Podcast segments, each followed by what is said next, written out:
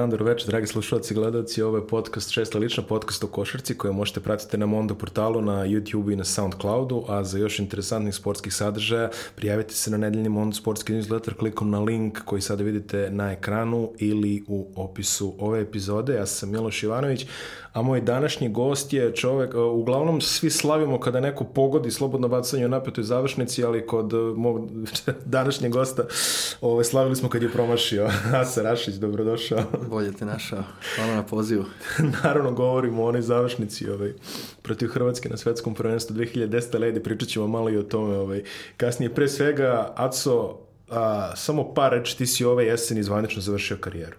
Pa jesam, odlučio sam e, da je dosta razmišljao sam ovaj, da li je vreme ili nije vreme, da li sam se zasitio ili nisam i mogu ti kažem da je, ovaj, nije bila moja odluka. Mm. Nekako, ovaj, bili, bio sam razdvojen od porodice posljednju moju sezonu i putovali smo dosta i ja i oni i na jednom od tih putovanja sam došao kući i deca su toliko plakala, znači nisam mogao da ih smirim uopšte. I ovaj, to je bio neki moment kad sam odlučio da da je dosta, da je vreme da se ja malo posvetim njima, da su dosta oni mene pratili, tako da nekako su me oni naterali na, na taj korak i ubrzali moju odluku. I ono, čim se penzionisao, ličiš na Kit Flinta. Hvala. ne, malo se življenje. Ove, ovaj, ali, u svak... ne, znam, ne znam da li bi ti sadašnji šef struke ove kluže dopustio. Ove, ovaj, to je jedan razlog što sam pobegao prvo, prvo, ovaj, prvo stvar što me pitao kad me video, šta ti je otac rekao? E, ništa nije komentarisao. Jedini čovjek koji nije prokomentarisao ni dobro ni loše moj ćale, znaš.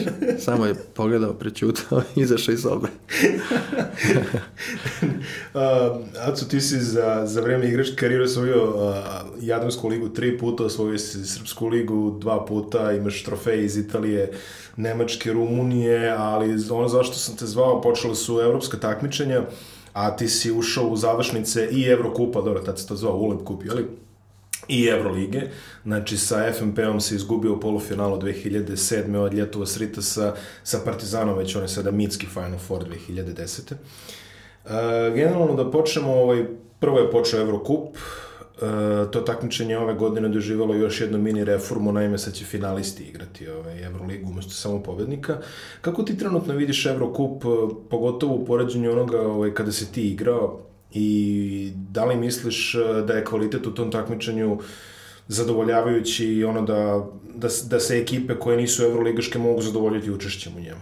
Pa sigurno da mogu, malo, malo ovaj, nije kvalitet kao što je mogao da bude, s obzirom da dosta ekipa igra ovaj, Fibino takmičenje, i jedno i drugo. Međutim, sigurno da, da su i Eurocup, da je Eurocup u odnosu na, na Fibina takmičenja dosta jači. Ja sam imao prilike da igram taj Europe Cup, Europe Cup, Europe Cup, ovaj, Fibin. To je ono što je Eurocup. ispod, to je Fibin Eurocup. Tako je, ispod da... ove Lige šampiona Fibine. Opa, ima si neko super gostovanja, Sišu. Ja, ne pitam ništa. Sišu, u znači, Irsku, Portugal i... Gostovanja i putovanja su haos, znači treba ti bukvalno dva, tri dana da se poraviš posle toga.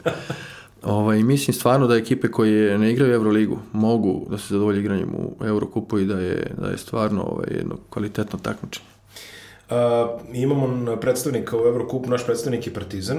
Oni su odlično startovali, gledao si utakmicu u utorak koju je Partizan pobedio u Veneciji. Ovako, prve, prvi utisci nekako ne toliko možda, ajde da kažemo, lepe za oko utakmica, možda ne ni kvalitetna previše, ipak obe ekipe izlaze tek iz pripreme. Ali odlična pobeda i ono, jako dobra odbrana i rekao bi Partizan da je sasvim dobro odigra. Jeste, ja sam gledao Partizan i na ovom turniru u Klužu protiv Fenerbahče u... Kao počasni gost. Kao počasni gost, da.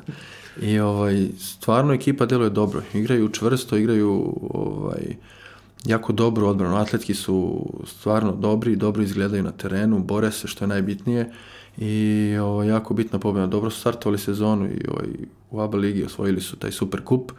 Ovaj, jako bitna pobjeda na strani protiv Venecije, startovali su, nije, nije, nije, lago, nije lagana grupa, stvarno dosta dobrih ekipa ima i svaka pobreda na strani, pogotovo sad na startu, je jako bitna i za samopouzdanje ekipe, jer praktično je nova ekipa. Par igrača je tu ostalo, dosta je novih, novih igrača stiglo i ovaj, za jednu ekipu i za jednog trenera je jako bitno da, da startuje dobro. Ono, igrač koji je svima upao u oči ovaj, momentalno je Rašon Thomas, koji je takođe odigrao jako dobru pripremu, odigrao je dobar super kup, sad je odigrao opet ovde dobro. E, iskoristit ću izraz ovaj, Aleksandra Đikića koji on popularizovao da Štomas igra popularnu šesticu. Ona je super igra, stvarno je konstantan. Od, od, od sad, od kad, smo, od kad su počeli sezonu, stvarno je momak konstantan, dobro daje energiju, dobar je, može i da, može i da pogodi ako nije ovaj, klasičan šuter. Uh, non stop je na skoku, ne znam koliko je imao skokova i ofanzivnih i e, defanzivnih. E, dok je trajala utakmica, upisali su mu 16 skokova, međutim posle došlo do neke korekcije pa je bilo 13, 13 ali 13. za vreme dok ono kao, ali posle dobro opet malo li je. Da. Ali stvarno ovaj, imaju duboku klupu što se kaže, imaju rotaciju, imaju ovaj, dosta igrača na koje trener može se osloniti u svakom trenutku. Uh, E, mogu različito da igraju sa četvorke, da šire ili da ispuštaju dole. Stvarno, ovaj, sviđa mi se kako do sad, do sad izgledaju. Um, če, dosta se priča o našoj javnosti, o eventualnoj do koja će se vršiti i navijači, da kažemo i javnost, a i sam Partizan na kraju priznao da traže šutera. Uh, e, Andrew Gaudlock je ispao iz tih kombinacija, pomenje se posle Kilpatrike, ne znam nijako. Da li trenutno vidi, da, da li misliš da je ovaj stil igre koji je Partizan demonstrirao protiv eh, Venecije možda iznođen malo ili oni to mogu da rade brže i poletnije i bez te do selekcije? Pa ja mislim da je i trener shvatio, mislim da u ovom trenutku neće tražiti, neće dodavati novih igrača. Mislim da su se svi nekako uklopili i da to funkcioniše za sad kako treba. Iako su možda imali u planu da, da dodaju još novih igrača, mislim da će malo sačekati, jer zašto menjati nešto kad stvarno dobro ide. Igrači su skapirali šta trener traži od njih, polako prihvatao svaku svoju ulogu, ima tu još novih igrača, još Birčević nije počeo da se koristiti koliko treba, on je posle stigao. Tako da još neki kocki se sleba tu da se slože, pa onda eventualno nekad malo kasnije, mada kako sad, kako sad ekipa izgleda, ovaj, ne bi ja to ništa dirao.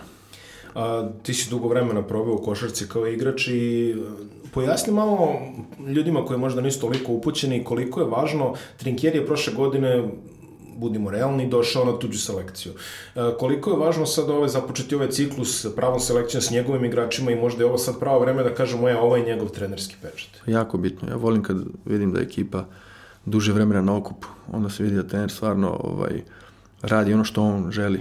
Prošle godine je stigao, nije, nije napravio selekciju, to sam ispomenuo par puta e, prošle sezone da ukoliko zadrže Tinkjere i daju mu odrešene ruke i da, da napravi ekipu kako on želi, da to može da izgleda mnogo bolje nego što je izgledalo u prethodne sezone. Oni zadrže igrače koje žele da zadrži, dove one koje, koje je zamislio, nadam se da su to igrači koje on žele od početka i ovaj i naravno da je to jako bitno za, i mislim da će izgledati sve bolje i bolje. Što, što duže vremena budu provodili zajedno, bit će to bolje. Ono što bih ja primetio je da se Trinkier lično izgleda jako dobro snalazi u ovoj specifičnoj sredini jadranske košarke.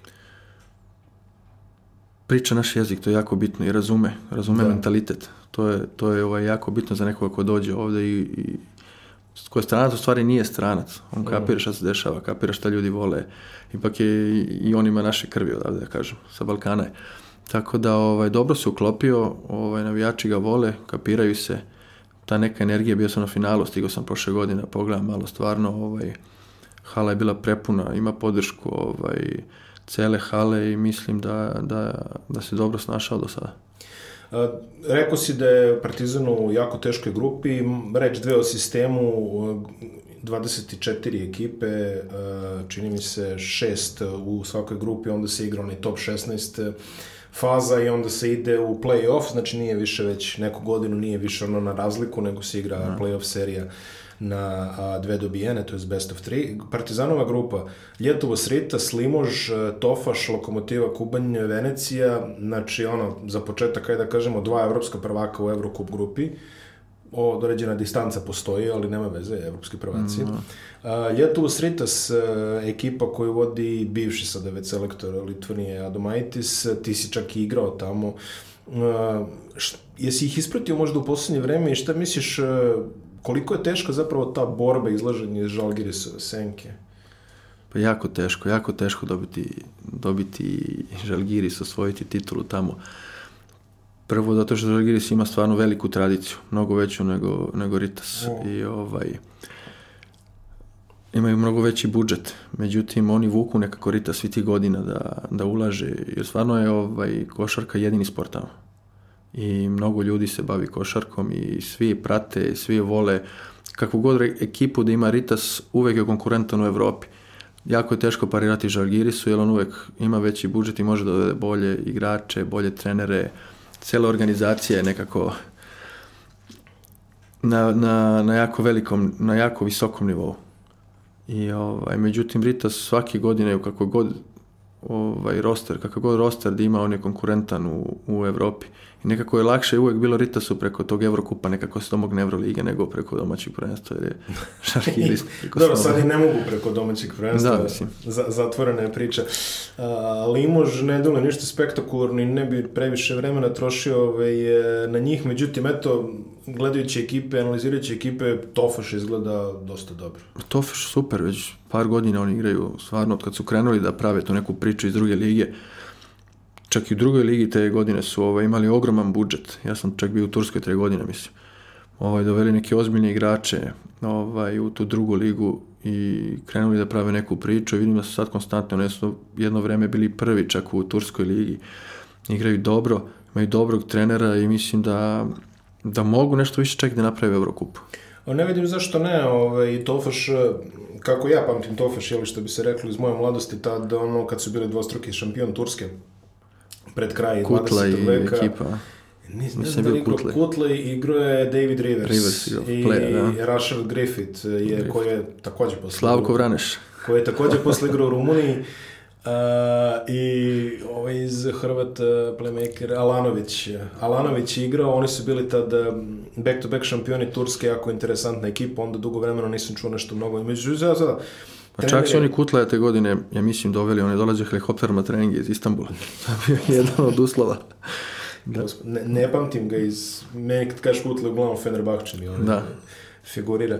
Orhu Nene je trener, e, legendarni playmaker Galatasaraja iz 90-ih. Doveli su neke, stvarno sad, ima tu dobrih igrača. DJ White je tu, Uh, Williams koji igra u budućnosti prošle godine čini mi se ovaj, im je, koji se pokazao kao prvi skakač Turske lige već znači zna teren Metlo Žeski je tu moj zemljak belgijanac tako da ovaj, mislim da će oni ajde da kažemo uslovno rečeno biti jedan od glavnih konkurenata i evo imaćemo priliku sad da ih vidimo sledeće nedelje u, u Beogradu tako da Pa vidjet ćemo kako bude krenulo. Nije lako napraviti ekipu, znaš, uvek je tu mačka u džakuši se kaže kad dovodiš. Ovaj, međutim, rekao si dobro da stvarno su to provereni igrači. Da. Ovaj, provereni igrači i iskusni igrači i bit će im sigurno lakše da se uklope, pogotovo s tim trenerom koji je stvarno, ovaj, svi ga igrači vole.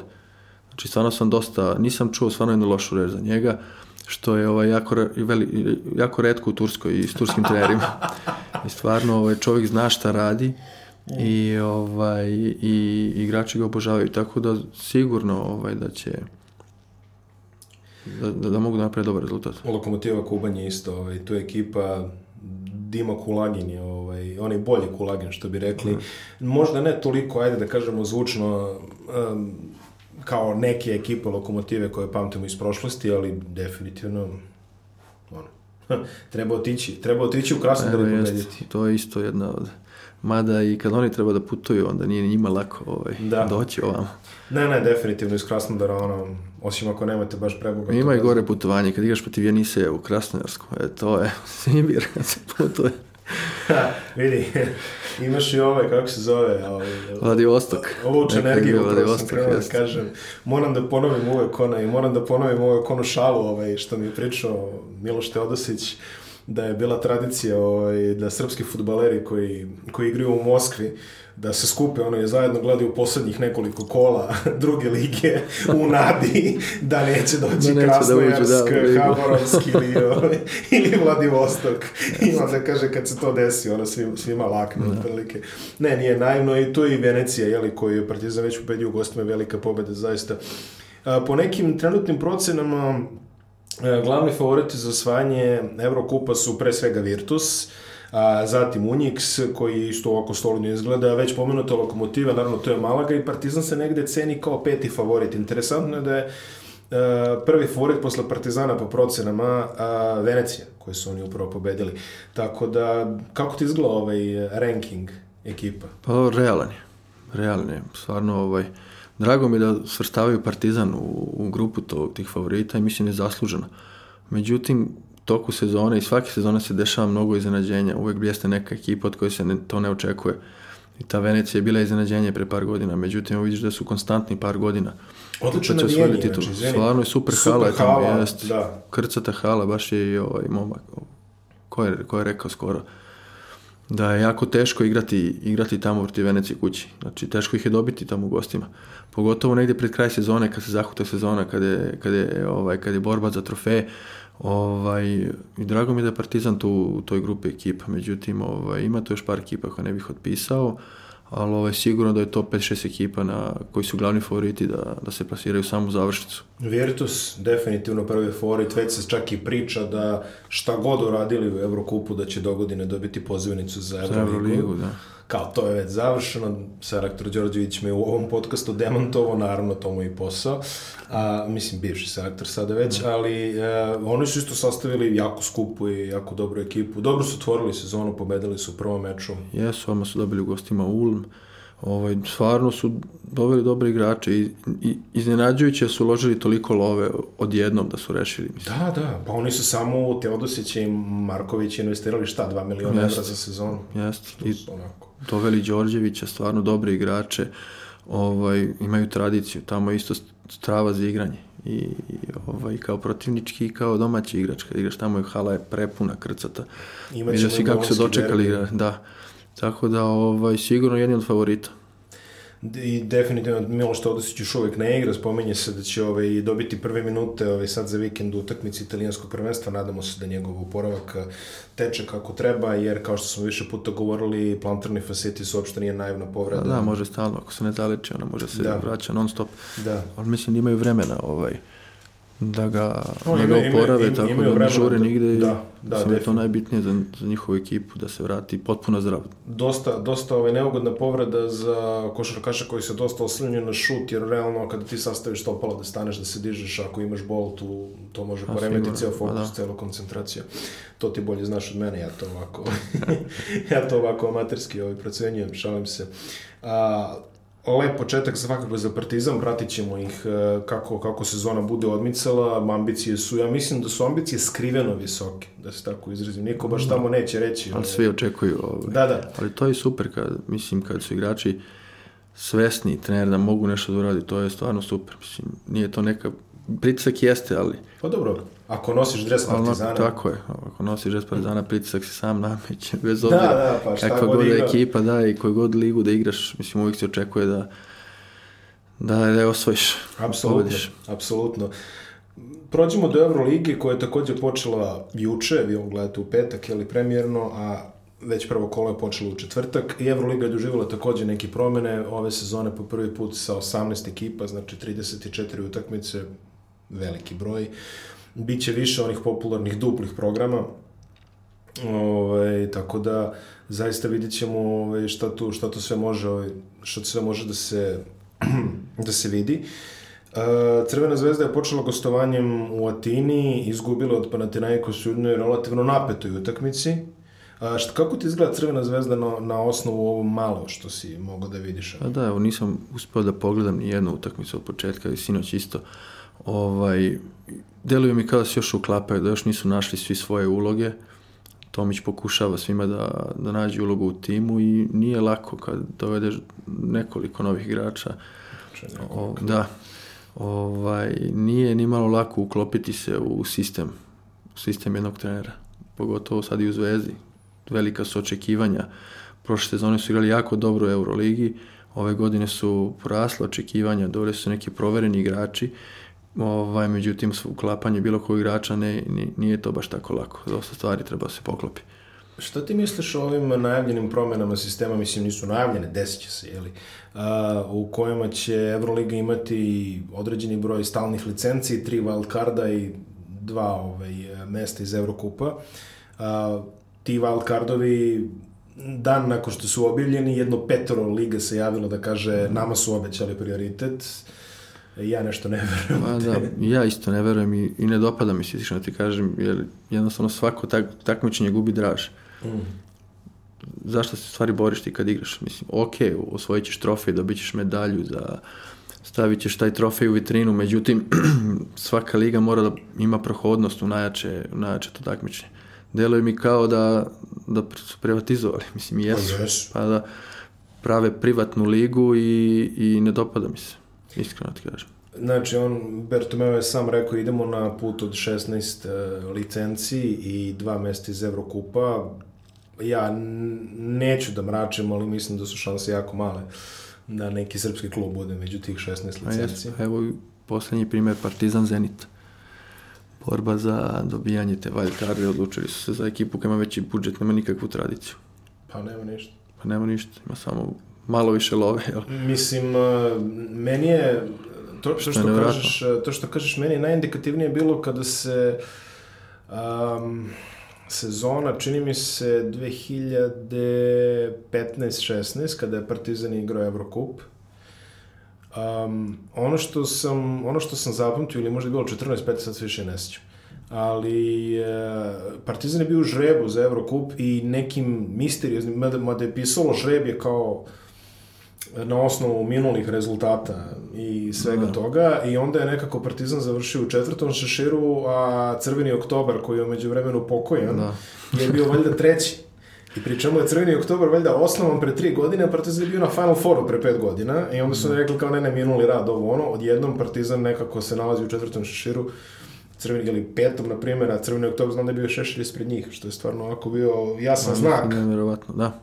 I već o čemu tom, se radi, ja? Da? ja? Da, već u tom momentu sam znao o čemu se radi. Sad, slično sa, mada u neku ruku moram da kažem ovaj, da je to neka sreća u nesreći možda, jer nisam siguran koliko je Partizan u ovom momentu spreman da izgura i Euroligu ovoliku da. i, ovaj, i sve ostale obaveze, zna se da je Jadranska liga ovaj, eh, hleb naših košarkaških eh, klubova, tako da kažem, bez toga ne može da se živi. I onda jednostavno možda je ovako bolje, ali E, kako ti se čine ekipe iz ono što bi rekao sad već imamo tradicionalnu grupu favorita, imamo CSKA, Real, Efes, Fenerbahče, Barcelona. Barcelona, da. Uvek su tih 4-5, oni drže kontinuitet već godinama. Održavaju ekipe na okupu, isti treneri i, i stvarno se dobro radi. Sad ne znam koga bih mogao da dodam od ovih ostalih ekipa tu. Daj mi pročitaj nekoga da vidimo, da izaberemo. Jel imaš pa, što u glavi? Bayern. Bayern Firno je počeo. Da. Pino je počeo i oni su, ovaj, nisu mnogo menjali. Dobri igrači su pro, doveli, iskusne, proverene, zajedno su treneri, opet ostao isti. Imaju sistem, imaju organizacija, stvarno strava.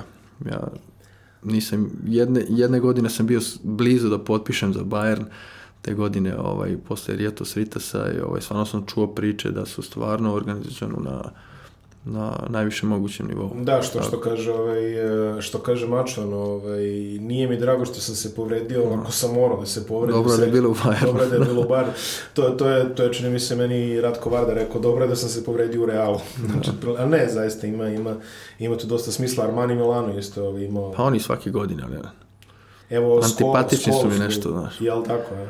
Vili iz škola je opet bio realnost. najbolji igrač. Nisam gledao, da, nisam da, gledao. Škola je aviona je... dao 17 pojena. Da, nevjerojatno. nevjerojatan čovjek. Ali Barcelona, čekaj, to su bre sad već ono, futbolsko ulaganje manje. Pa to jeste, mislim da oni čak i ove godine imaju najveći budžet, zvanično. Ma, mislim, nezvanično, on uvek ceska, znaš. Da, da, da. Ali ovaj, zvanično mislim da imaju najveći budžet, imaju stvarno, stvarno ovaj, velike ambicije ove godine. Mirotić, um Videli smo ih i na španskom da, da. superkupu, mada ajde, ok, Real je u ovom momentu zategnuti što bi se reklo, sačuvali su ovaj kostur ekipe, tamo sve već uigrano. Da, možda u tom ovom, u ovom delu sezone ovaj, znači da, dosta. Da, pobedili su ovaj Fenerbahče juče, uh, izuzetne partije, svako ko je igrao svetsko prvenstvo na visokom nivou, on je sad odlična forma, Kampacu izgleda stvarno maestralno Fenerbahče, Bilo je tu promena? Pa bilo je dosta promjena. Njih sam gledao na ovom turniru, ovaj, ne, nekompletni. Baš dosta igrača falilo. Potpisali su sad i Štimsa, vratio se Nando. Ovaj, kako bude vreme odmicalo, oni će. Ovaj. Međutim, sve bolje izgledati. Međutim, ovaj, Euroliga je počela, sistem je brutalan. Znači, mora što pre ovaj, te ekipe koje stvarno imaju visoke ambicije, mora što pre da se vrate na, mislim, da što pre uđu u formu, mm. da, da krenu mm. pobeđuju. Jer stvarno ovaj putovanja su haos. Da, pogotovo kad si na drugom kraju. Vjerojatno. Da, tako da ovaj, nema, nema vremena, baš, baš dosta. Tvoj bivši klub Efes napravio konačno neki iskorak po pitanju trofeja prošle sezone. Jeste, Dobro prekinuli su, su dominaciju i onako sad svi gledaju dosta ozbiljnije, znaš. Ovaj, iznenadili su sve, niko nije očekivao i da će da igraju to finale i da će da osvoje ovaj, o, da osvoje tursko prvenstvo i stvarno ove godine mora ozbiljno se računa na njih. Ne, neće biti kao ranije godine, ono kao Majefes, velika lova, ništa svaki odne.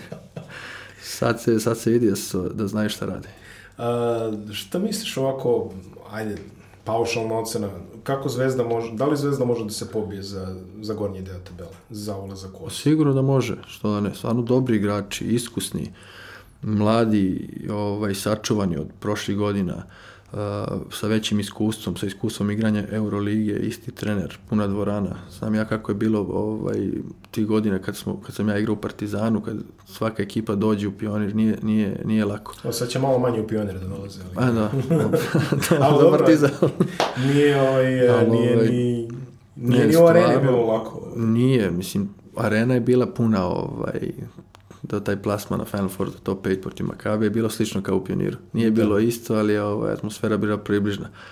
Ali ovaj, nije lako nijednoj ekipi evropskoj da igra u, u, Beogradu. Da. Protiv Zvezde i Partizana. I mislim da imaju šanse ukoliko se sve kotkice poklope i ukoliko sve dođe na svoje mesto. Koliko stvari unutar ekipe budu funkcionisale, svaki igrač bude ovaj, dao svoj maksimum, pokazao svoj potencijal. Mislim da može da se umeša u, u borbu za plasman u play-off. E, drago mi što smo dotakli malo i to pitanje, ovaj, to pionir i arena, ti si imao priliku da igraš i u punom pioniru i u punoj areni i ajde malo, mislim, dočaraj mi neke razlike. Ja sam veliki vernik te teorije da su obruči uvek isti i da je visina uvek ista i da su isto široki i da je sve tako i da je sve do glave prilagoditi. Da, međutim, ovaj, ogromna je razlika. Znači nije ni približno. Ja malo pre sam spomenuo da je bila slična atmosfera pre 25.000 ovaj, grobara igrati protiv Makabe i stvarno bilo je fantastično. Međutim, pionir je nekako kompaktniji, manji i ljudi su odma tu pored terena i ovaj, ja sećam utakmice protiv Barcelone kad su pregledavali onaj video da smo pobedili, nismo, mislim da smo mi te godine jedini dobili Barcelonu, yes. cele godine ovaj, ja kad sam ušao na teren, obično nikad nisam izlazio pre utakmice, zagrevam uvek ono zagrevanje i stezanje u slučionici. Kad sam izašao na teren, bukvalno sam video samo parket i samo plafon. Sve ostalo su bili načičkani ljudi, stajali su, visili. Znači, to je bilo neverovatno i meni, a zamisli kako je bilo igračima ovaj, Barcelone, koji su sigurno navikli da igraju pred svakakvom, svakakvom publikom ovaj, i svakakvoj atmosferi.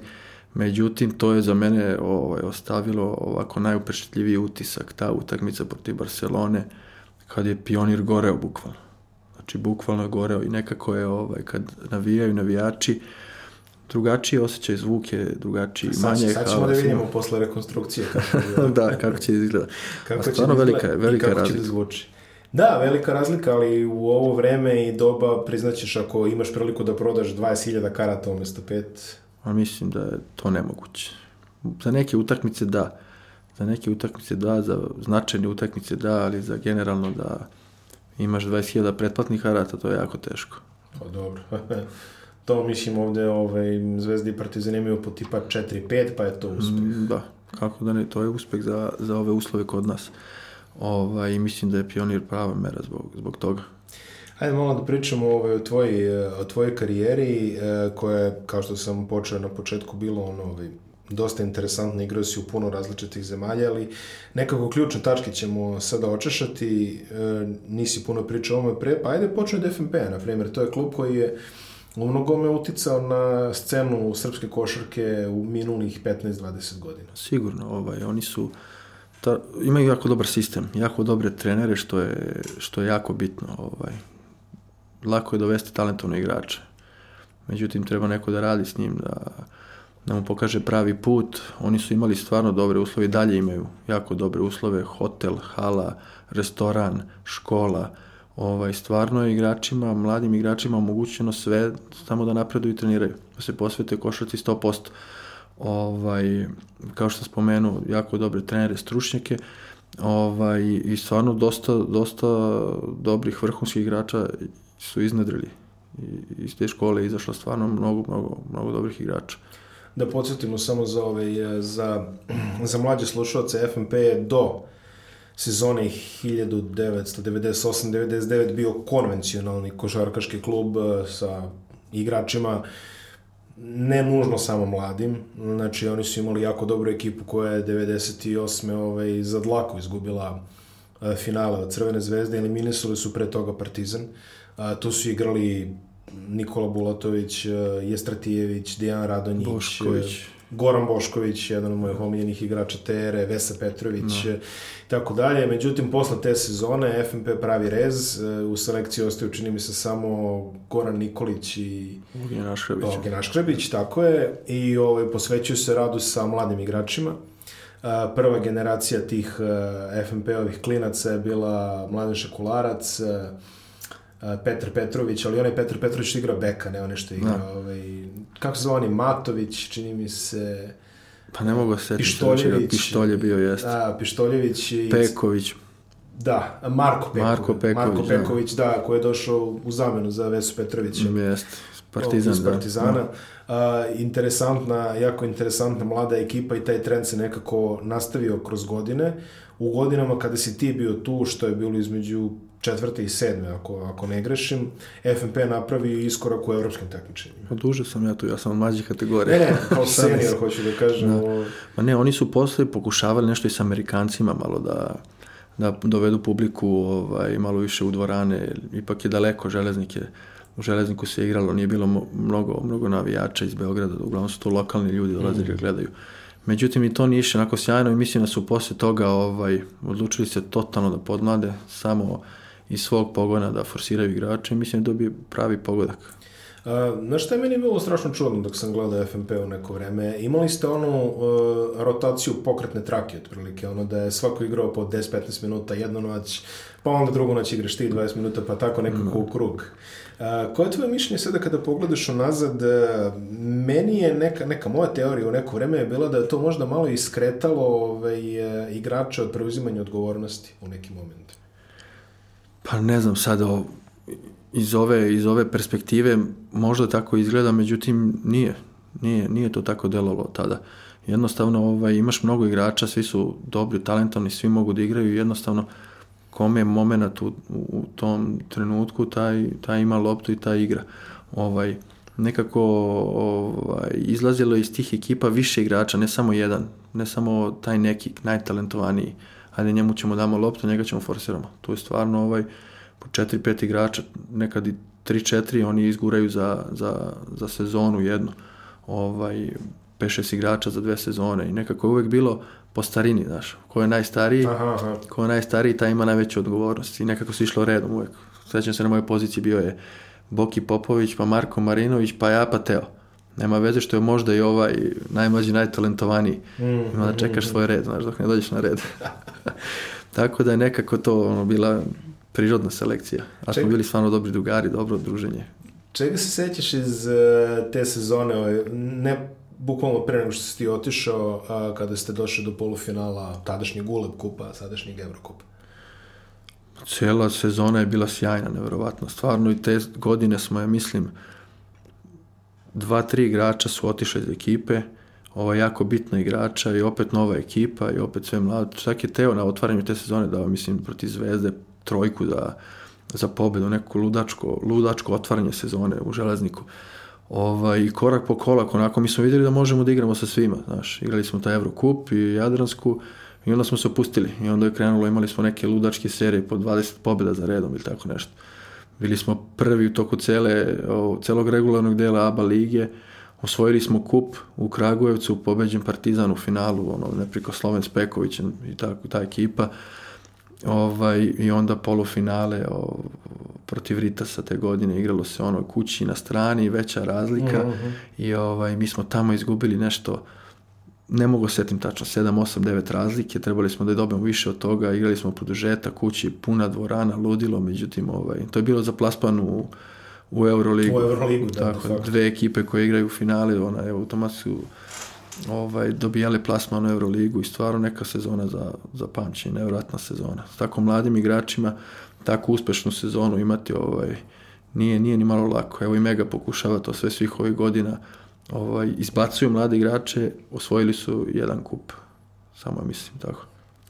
Nije, nije lako ostvariti vrhunski rezultat i forsirati malo igrača u isto vreme, što je u FNP-u nekim čudom uspevalo. Ti si otišao iz FNP-u Efes, ako se ne veram, Jeste, ali vrlo si se kratko zadržao. Tako. Pa kratko sam se zadržao, mene je doveo ovaj Okte Mehmuti je tad bio trener, mi smo izgubili u tom finalu, osvojili smo kup, tako osvojili smo kup ove ovaj na, u februaru i onda smo u finalu te, te domaće lige izgubili od Fenerbahča 4-0, baš su nas počistili sa Solomonom na čelu i mm. Kutla igrao i Damir Mršić je igrao tad ovaj, i Mirsad Mirsad i dalje igrao i ovaj, trener je otišao, došao novi trener koji je menjao celu ekipu, ja sam bukvalno ostao tu 3-4 meseca. Promenio je sve i ovaj, ja sam onda otišao u Dinamo ali ajde, proveo si nekoliko tih, međutim, e, bitni deo, ajde da kažemo, bitni deo te neke tvoje karijere tu između FMP-a i druga, druga karika je naravno Partizan. Ti si se vratio u Partizan 2008. E, ako se ne varam. Jeste. I ostao si ove dve sezone, koincidentalno dve jako bitne sezone za, za Partizan. Prvo, kako, kako ti pamtiš svoj dolazak u Partizan uopšte i kako, kako je došao ja do toga? Ja sećam da je Dule pokazivao interesovanje i ranije. Čas mm. smo se jednom sreli na moru u Herceg Novom, otišli na večeru, on je ovaj, porodično onako, znaš, rekao da, da stvarno je zadovoljan kako igram, ovo ono, međutim, tad je politika FNP-a bila da prodaje igrače za ogromnu lovu. Mm. I ovaj, Partizan naravno nije mogao da kupi nikoga ko dolazi iz FNP-a. Jedina, Jedini neki moj put je bio nekada da se vrati možda iz iz Evrope kasnije, što se i na kraju i desilo. Ko Dule Kecman što je... Pa jest. Da. Na kraju se i desilo tako da sam ja bez opredećenja došao u Partizan ovaj, posle, posle sezone u, u Berlinu. Tako da, ovaj, dve stvarno fantastične sezone. I naravno sezonu koju je Partizan osvojio sve i usput stigao do, ovaj, do Final Fora. Ajde prvo da, da pričamo o Euroligi u toj sezoni, ovaj, ti si već ispričao šta pamtiš od Barcelone, šta još pamtiš? Bilo je zaista mnogo interesantnih pa utakmica. Pa mnogo. Svi me pitaju, ovaj, prvo pitanje obično bude koje su ovaj, najlepše uspomene, a onda ja kažem ta godina je bila i najlepše i najtužnije. Tako da ono drugo pitanje nikad ni ne stignu da mi postave novinari, znaš. Koje su lepe, koje su loše uspomene ta godina je bila stvarno fantastična. Ovaj, mm -hmm.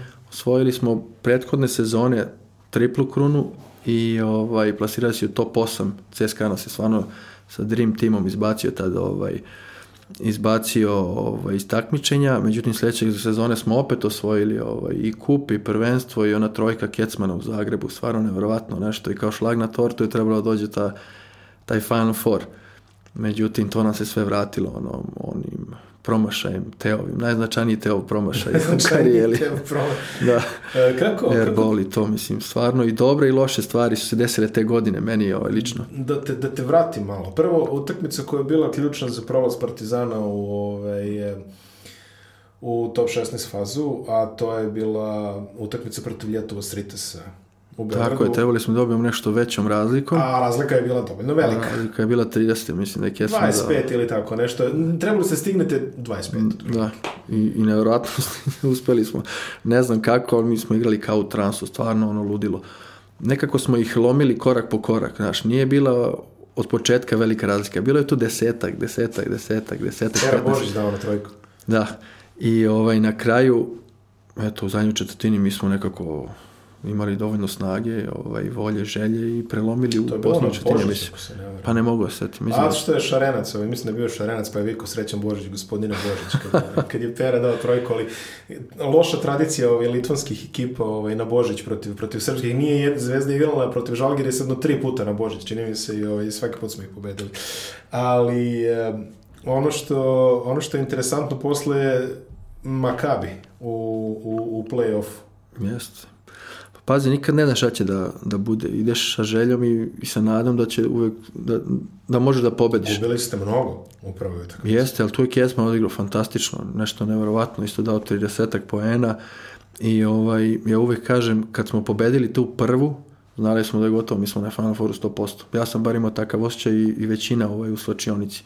Niko nije pričao o tome, međutim, mi smo znali tamo da dobijemo tu, dobili smo tu u stvari prvu, u Beogradu nema šanse da nas dobije. Znači druga šta bude, idemo u Beograd i ovaj, tamo, tamo ne, neće izaći živi, neće nas dobiti.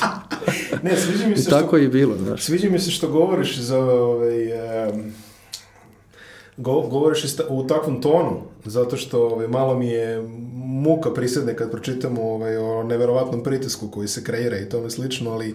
evo ti govoriš o tome da ne, jako ja bitan, sjećam, jako, ja, jako bitan da... faktor je da biti... Da da ovi ljudi koji su sedeli pored onog parketa, mm -hmm. pored mhm. ovaj terena, su skakali na Pninija, posto Pnini onako antipatičan i mislim da ga niko ne voli. Ko pa malo prati košarku, imao je neke poteze, onako prljave malo. Ovaj. Mislim da je on, kad sam mu vidio facu, čovjek je prebledeo bukvalno. Ne znam šta su mu sve pričali, šta su mu govorili. Stvarno stvori se ogroman pritisak ovaj, navijača i publike i to nama da vetar u leđa. I epizoda na Final Fouru najbitniji teo promašaj, što ti rekao. Yes. Kako, kako je to izgledalo tebi ovaj, sa parketa? Mislim, ja se sećam, svega što se ja sećam je da gledam veselo koje ovako gleda kako ovaj, mu... Mm, uzima da i da. daje koš. Ma mislim, ovaj, kako je tad u momentu to izgledalo, pojma nema. To, tek smo kasnije počeli da razmišljamo šta se da, desilo da, i da. šta se stvari dogodilo. Međutim, ovaj, mi smo igrali zonu, zona je slaba na skoku, stvarno je ovaj, to je, to je ovaj, mana najveća i Teo je izašao iz tog nekog uzastopnog bloka, sećam se kao da, da sam juče igrao utakmicu, okrenuo se, poznavajući Teo, hteo je da reši, da šutne, da odmah, znali smo da će on da, da uzme loptu i da, da šutira. I sad ono okrećeš se gledaš, samo čekaš da udari lopta u obruč, da ideš na skok. Međutim, lopta je otišla metar levo, čovjek je stajao, uhvatio loptu i, i položio za produžetak. I u tom momentku, momentu ne razmišljaš ti mnogo, sa kao šta se desilo, ja izgubili smo finale, nego imaš još pet minuta, igraš dalje, međutim, kasnije, ovaj, kad smo ušli sa očionicu, posle poraza, onda krećeš da razmišljaš, nema spavanja, šta si propustio, šta si mogao da uradiš. Hoću li ikada opet? Da, nećemo. pa dobro, ne, ali... Ne, ali da, stvarno, ovaj, redak moment za, za većinu igrača. Koliko igrača se bavi sportom uopšte i košarkom i da dođe u, u tu situaciju da jedna lopta odlučuje da li ćeš u finale Eurolige, posle toliko godina da možda Partizan opet bude prvak Evrope, jer verujem da smo mi imali više šanse pred Barcelone nego Olimpijakos. Olimpijakos da- je izgubio lagano. Jeste, lagano. Baš su ih rasturili, što da. kaže. Još Clay zapomogao sa isključenjem. Da, i Teo je bio bolestan, igrao je po nekim virusom, to se sećam baš dobro. Ovaj, tako da mislim da smo mi ušli u finale da bi imali veće šanse da baš nego Olimpijakos. Dobro, da, slažem se s tobom tu. A još jedan neverovatan deo te sezone, ove opšte neverovatne godine 2010. za tebe, e, je bio taj Final Four već e, spominjani u Zagrebu. A ja sam čuo, mislim ono, Duletovu verziju sam čuo, Duleto ispričao pred kamerama meni više, kako je to izgledalo tebi? Ja, ja sam izvodio tu loptu. Znam to, to mi je. To mi je. A prvo tamo kreće, u stvari, kad šutira Roberts penale. Da. da, da. I promašuje, mislim, oba. Da. I sad ovaj crnac hvata loptu i Jan i Kecman ga udvajaju. I on se oslobađa lopte i odmah su ovi u višku. Znači, vode vamo 4 na 3. ja čuvam Bogdanovića koji nije dao ni jedan poen do tada. Tomas vodi loptu i namešta se šutira, dao je 30 košara. Ja i puštam Bogdanovića i trčim na ovoga i u tom momentu ovaj baca ovome loptu i nema više povratka gotovo. Slavko ja Franeš Slavko pokušava da, da. iz centra re, iz reketa ovaj, da, da izađe na šut, međutim ovaj pogađa i sad ono šta da radimo, ostalo još pola sekunde, daj da uvedemo otku za... I sudija kao čekaj, čekaj, čekaj, oni slave, znaš, čeka da se otrči s terena. Ma kao ajde, uvodi loptu. I ja sad razmišljam da li bacim Robertsu koji stoji na pola terena, nekako mi je bliži, možda će uspeti da da ubaci ovaj bliže nego Kecman. Ali Kecman me gleda onako sa tolikim žarom, daj mi loptu, šta razmišljaš, znaš. Ja sam taj u tom fazonu. I ja kao, evo, ovaj želi više i dam njemu loptu i onda on ubacuje i mislim da niko nije video koš na TV-u koje... Nije niko. niko. Edin je dreknuo ko, ko nenormalno. Znači, da, šta da, da, se dešava? Edin je vrisnuo, ono, mislim, bio, bio, bio tad prenos, kamera je snimala ove što skaču. A, da. Tek tamo nešto na YouTube-u sam, čini mi se, Vidi se nešto ispod, google ispod zapičnog stola, stola je bio neki kamerman da, koji da. snimao da. nešto na tek na YouTube-u neko snima iz publike iz samo publika, jedno da. vidiš ovaj ne vidi se čak ni ne vidi se čak ni ni koš lopta kako ulazi u koš nego samo mi iskačemo vidi se samo kec mislim što ovako E, to se čulo da. i odjednom ovi skaču ovi ćute i, i to je to i onaj vic ovaj, e, kad Dario Šarić zove mama kaže mama, mama osvojili smo Ajansku ligu molim sina, ne, ništa mama ne ovaj, tako da Uh, da, to je, to je zaista bilo, ovaj, zaista bilo fascinantno, nevjerovatno. Mislim, ne znam da se ikad desilo u svetu tako nešto da sekundi jedno takve dve trojke budemo. Dule ne Kecman je dao trojku u Panathinaikosu, duže ne za pobedu. Isto je dao, da. Isto je dao sa da. svog penala, ali bio je, Efes je čini mi se pobedio, da li je Planinić dao trojku u Euroligi sa svog penala, da pa ali protiv Milana, na primjer, da. tako nešto. Ne, definitivno u ovakvoj atmosferi, ovako sve ja se slažem, ovaj Partizan zaista unikatan, ali ajde reci mi, Final Four, osvojio si Jadransku ligu, e, posle si imao još da igraš. Kako, kako izgleda ostatak sezone kada je, kada je to ovaj, e, prošlo tako kako je prošlo?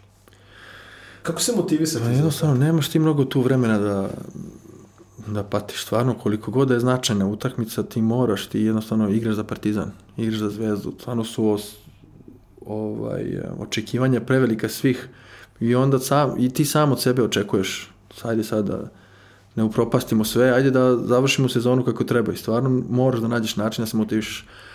Sva sreća, mi smo imali stvarno grupu momaka koji su funkcionisali nevjerovatno i van terena i na terenu. Družili smo se mnogo, mnogo vremena provodili zajedno, tako da to nam je nije bio neki preveliki problem. Obično nekad može se desiti da ekipa ima ovaj problem da se motiviše, međutim mi, mi nismo imali problem, nikakvih problema te sezone s motivacijom tvoja karijera u inostranstvu se nastavila posle, ali ajde prvo da se, da se, da se, da se vratimo na ono sa početka. To je svetsko prvenstvo u Turskoj 2010. A, pa, da, da. I to je jedino promašeno bacanje na tom turniru. Sva ostala su pogodila. Jeste, a, ljudi, mi, ljudi mi prilaze i čestitaju, kaže, svaka čast za pogodak protiv Hrvata. Ako nije bio pogodak, bio promašaj. Promašio sam penal. Ali, uh, eh, hajde reći dve prvo o tom uh, prvenstvu. Mi tamo dolazimo kao onako obnovljeni malo posle onoga što se desilo uh, 2009. Uh, kako izgleda atmosfera u ekipi Duda Ivković je to okupio i odlazimo na svetsko prvenstvo. Šta je u vašim glavama u tom trenutku? Svi smo bili presrećni što smo tu. To je stvarno jako bitno kada ideš na pripremu reprezentacije, da si zadovoljan što si tu, da ti nije ono muka da ideš, znaš. Da I ovaj, stvaramo atmosfera strava. Momci, svi se znamo dugo godina iz mlađih selekcija, igramo zajedno, igramo jedni protiv drugih. Dobro se radi, dobro se trenira, ali nikome ne pada ništa teško. I ovaj, došli smo stvarno fizički dobro spremni. Sećam se ovaj, da su Teo i Krle bili suspendovani zbog tuče protiv eh, Grka na onom turniru, nešto na početku. Ovaj, mi smo dobili jednu utakmicu, jednu izgubili ovaj, bez njih, onda su se oni vratili, bili smo kompretirani i stvarno je sve ono, funkcionisalo kao švajcarski sat, što se kaže. Teo i Krle koji nisu razgovarali, to je čak meni Teo rekao u intervju, pa su se pomirili tokom tog turnira. Eto, Jeste, kako nisu, pa da, na kraju su, sad super isto, da. Zbližili su se igrali da i ne, to je nevjerovatno, uvek kad čuješ tako neku priču, ono, ovaj, nikad ne bi rekao, hvala Bogu, to ne izgleda da, tako, ali... Na terenu se ne vidi ništa. Da, da, i dolazimo do tog, ovaj, šta ti bilo, osmina finala? Osmina finala, jeste, prvo je bila neka ona out sa strane, gdje sam ja ostao totalno sam kao duh. Svi su bili na pola terena, ja sam polagao. Svi me pitaju šta se desilo, šta je Duda nacetao, kakav pre je to specijal. Pre toga, pre toga je bilo, ovaj, e, čini mi se da smo izgubili loptu u izvođenju. Ne, mislim prvo sam ja dao taj zicer, pa smo onda izgubili loptu. Ne znam, možda bolje znaš. Mislim ja? da bi da mislim da smo, izgubili. izgubili loptu izvođenju i da je Marko, Marko promašio, jedno je dao, jedno da. promašio, da. Nerešeno. I onda, e, onda se dešava to onda kada je to, pa onda Marko dao oba, ovako, da, da. bravo. Da a to je bila neka obična situacija, ovaj, uh, blok, on, ne znam ko mi je napravio blok, uh, nisu se razumeli u komunikaciji ova, dva hrvatska igrača, ja sam ostao sam kao duh položio, onda je Marko ovaj, pogodio oba, opet nerešeno, i na kraju bio faul, Kus me gurno, da li se spotakao, stao mi na nogu, pa kus pa me gurno skroz. Kus se spotakao jeste. i u padu te gurno. Te gurno me, da. jeste. Da. Ja sam onako vidio da mogu da ubacim ovaj, od tablu, naš floater, da je. Međutim, on me gurno, otišao sam skroz u levo, međutim, bio je faul. Pogodio prvo i onda drugo namerno promašio i čuveni komentar hrvatskog novinara na hrvatskoj televiziji. Ne možemo mi ništa za jednu sekundu, to mogu samo Srbi. I ovaj... I poslana ova trojka protiv Španije. protiv Španije i onda nesrećni poraz protiv Turske opet. E, e, e to trojku, eto to, no, Novice mi isto priča ovde, kaže no, novice koji je rekao ja gledam i molim Boga da ulazi jer ono... Biće mrtav vam, da, ako sedne na klupu, ako promaši. Ne, ne, imamo, da. kaže, mislim, ljudi su mi već, ono, španci su mi već na kičmi, kaže, ja nadam se da će da uđe, jer u suprotnom, ja, mene će neko pregazi ovde ovdje uskoro. Da. Ali, kako je to izgledalo? Eto, Špani, pa recimo... Pa niko nije očekivao, nisam očekivao da će, ja sam bar mislio da će da napadne Garbahoso, ali viš, višlje, ovaj, već je matur Garbahosa, ne može da igra tako odbranu, lateral ne može, Balj će da ga napadne pa da ga malo izbaci, ne, on je dribao loptu i samo se digao sad, ne znam koliko metara je. Pa dosta. Dosta, da. I, i bacio. šta? ne, ne. Sve ostalo videli ste, mislim, šta? Pa ne, ne, realno ne gotovo. Ovaj. Ni iskreno ni, nisam očekivao da će tako da se digne na, na, na taj šut. Mislio sam nešto da će uradi, neki crossover, kroz noge, ovo, ono, step back da šutne. Što je on driblao, video je, bolje ovako da, da se ne umaram bez veze, da je driblam levo desno. šutnem iz mesta, najbolji šutner. O, da, nikad, nikad zapravo ljudi nisu načisto šta je tom čoveku u glavi. A, pa da. Ti si čak Mislim i... da ni on je razmišljao. moguće, moguće sasvim. A lucidan, nepredvidljiv, nepredvidljiv. Mislim da i, da i on u trenucima ne zna, jednostavno reaguje po osjećaju. Što to. u, u neku ruku izdvaja dosta da. iz, ove, iz ove moderne, malo i robotizovane, schematizovane Jeste. košarke. I malo onda, više. Malo više. I onda ovaj, to nesretno polufinale. Pa, mislim, ne znam šta da kažem, da. Što? pa ne znam, eto videli ste svi, ono, mislim, sudija je bio tu, gledao, ja se uvijek vratim, a to nikad ne volim da pričam o sudijama, nikad nisam ni komentarisao sudije u toku. Sad ovaj, možeš, sad, sad, čak, sad, sad sam završio, da. da čak i Duda nije mogao da drži sastanak posle, posle toga zaplakao jer ovo ovaj, je stvarno nek, ogromna nepravda. I onda onaj se, Omer Ašik se valja, neće šutira penale, pa onda ovaj ulazi, onda ovaj staje na liniju. E, onda može čak i faul na Novici. Sigurno faul na Novici u posljednjem napadu. Izvrnuo ga ovaj čovjek. Tako da ono, neke, mada se turska košarka digla posle toga. Stvarno su počeli da. vjerovatno da ulažu lovu. I igrači su dobili ogromne nagrade. Ja se zezam pa kažem, kad su takve nagrade dobili, ovaj, ne, kad su nas dobili. ovaj, međutim, stvarno težak poraz, pogotovo meni lično, posle Partizana i tog Final Fora kao reprezentacija, stižemo u finale, ajde, sad ćemo osvojiti medalju, ovo, ono. Međutim, mi ostajemo posle te utakmice dopi kontrola, Turci izlaze na ulice Slave, ostajemo do 3-4 ujutru u hali u dvorani. Mi autobusom ne možemo da mrdnemo iz hale jer su ulice preplavljene Turcima. Znači oni slave do jutra.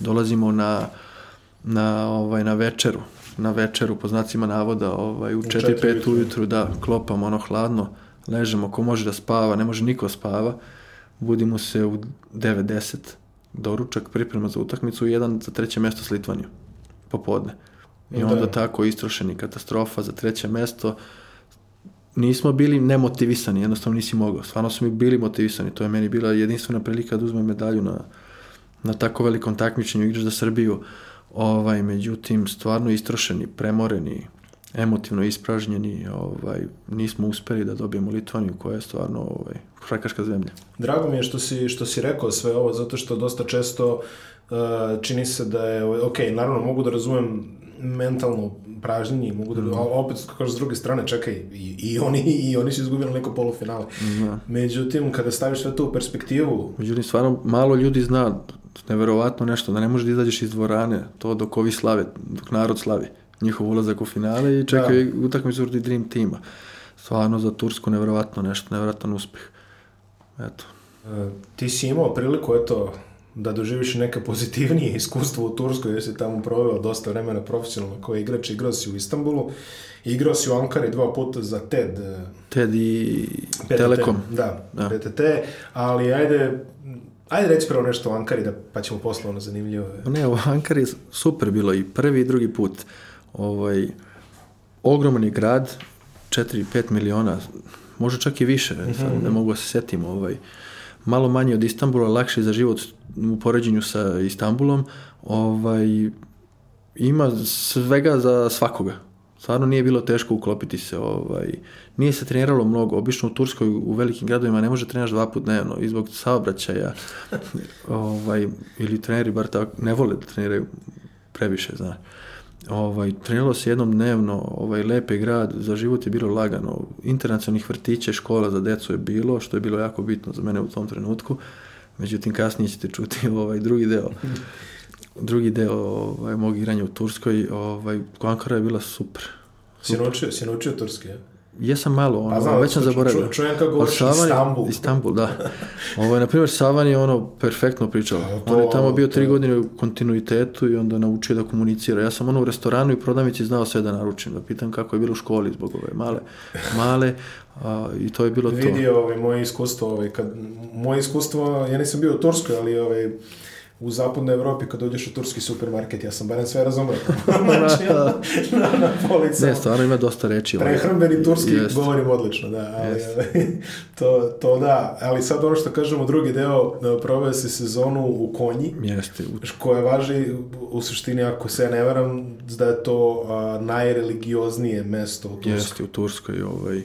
Meni, ajde, bilo je malo lakše u odnosu kako je bilo mojoj porodici, ženi ovaj, Juli, tada, tad smo imali samo čerkicu, ovaj, kako je bilo u Ankari super, ovamo je bilo ovaj, stvarno ludilo. Mislim, nemaš internacionalnog vrtića, nema, niko ne priča engleski, sve žene su zabrađene od glave do pete, tako hodaju ulicama, ne možeš da vidiš lik nikome, ovaj, ženski lik, ovaj, ne možeš da popiješ kafu, ne možeš da izađeš uveče malo se opustiš, ovaj, sva sreća pa smo imali cool ekipu, ok momke, pa smo se družili ovako unutar ekipe, po, po stanovima, po kućama, ovaj, ali generalno socijalni život je bio ovaj, jako težak, jako teška godina za, za celu porodicu.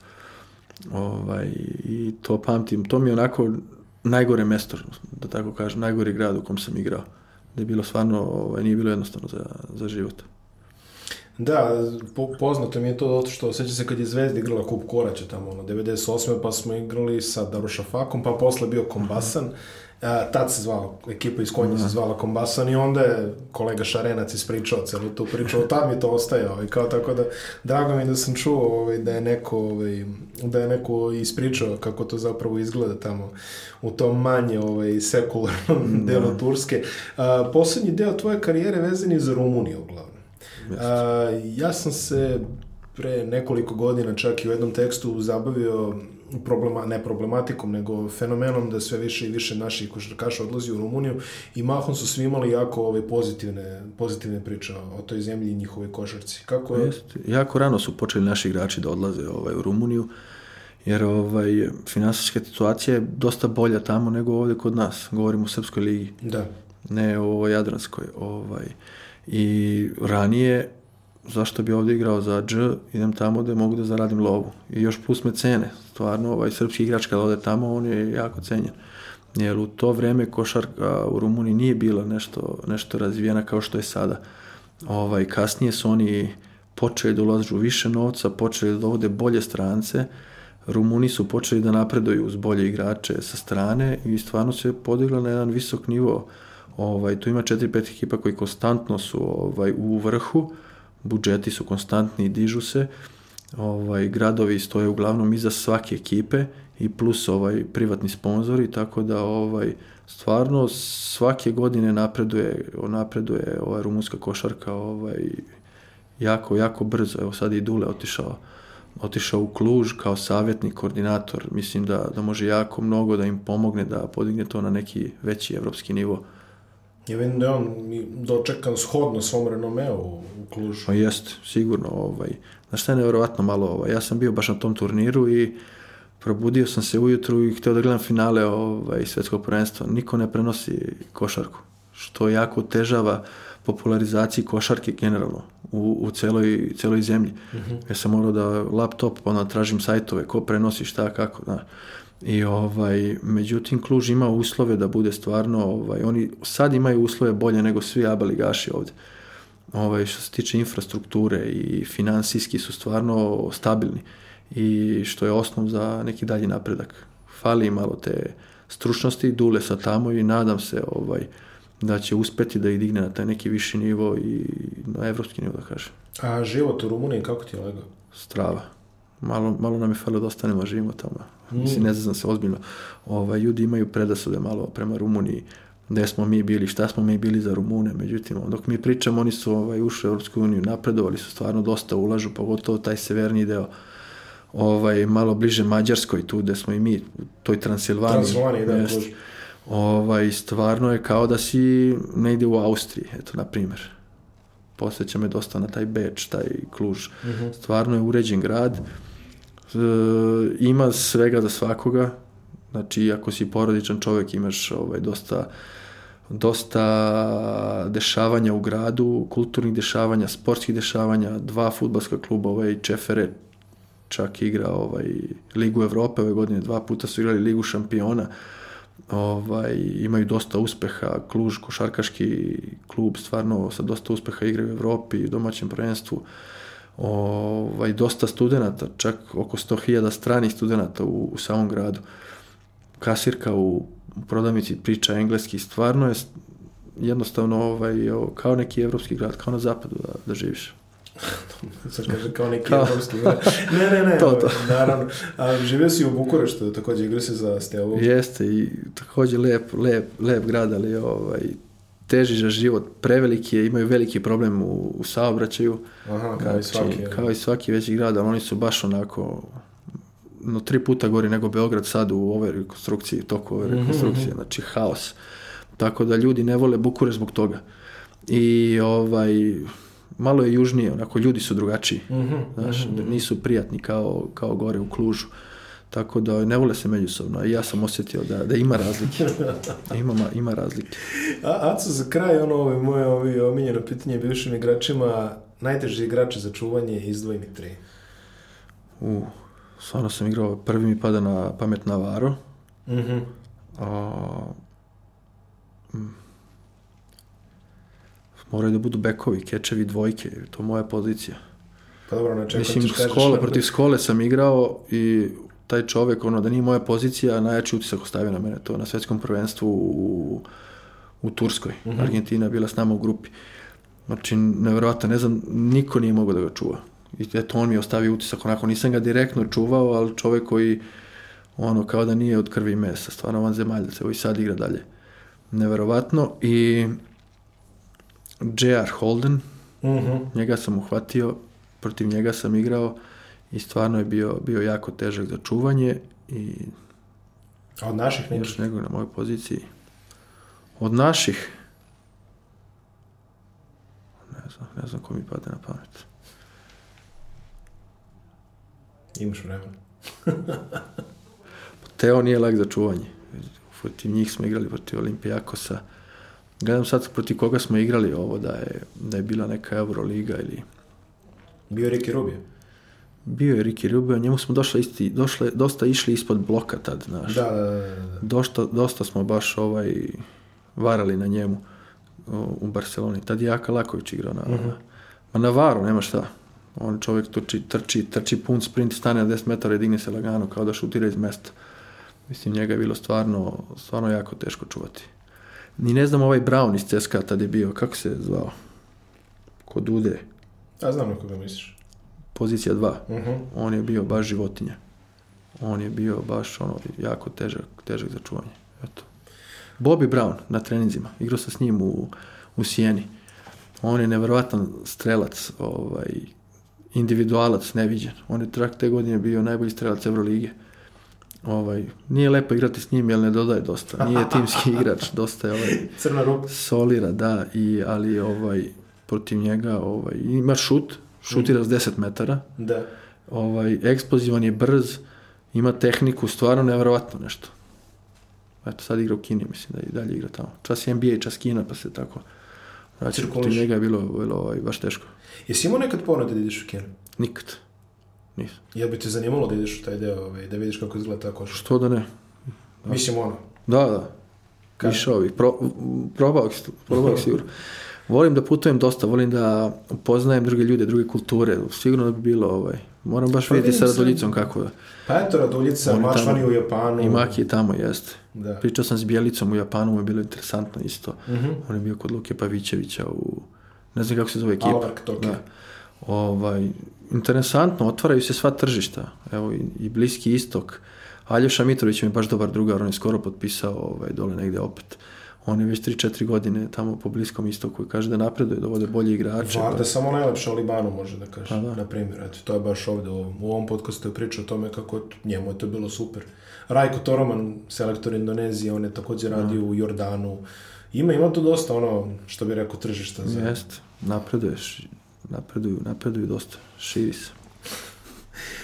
Uh, ja bih još jednom volao da podsjetim slušalac i gledalac da se hm, prijeve na Mondo Sports newsletter klikom na linku u opisu ove epizode. Aco, tebi svakako hvala ove što si došao i na, i na svemu što si ispričao. Euroliga i Eurocup dolaze sledeće nedelje u naš grad. Ako me vidite negde na tribinama, mahnite mi, ono, svako će vam se odazvati i Partizan igra čini mi se sa Tofašom u utorak, Zvezda igra sa Fenerbahčom, znači ono nedelja turskih klubova. Mm, da. Nedelja turskih Srbiji. klubova u Srbiji, tako da vidit ćemo se tamo. Aco, tebi hvala pa svima. Hvala tebi na pozivu. Hvala.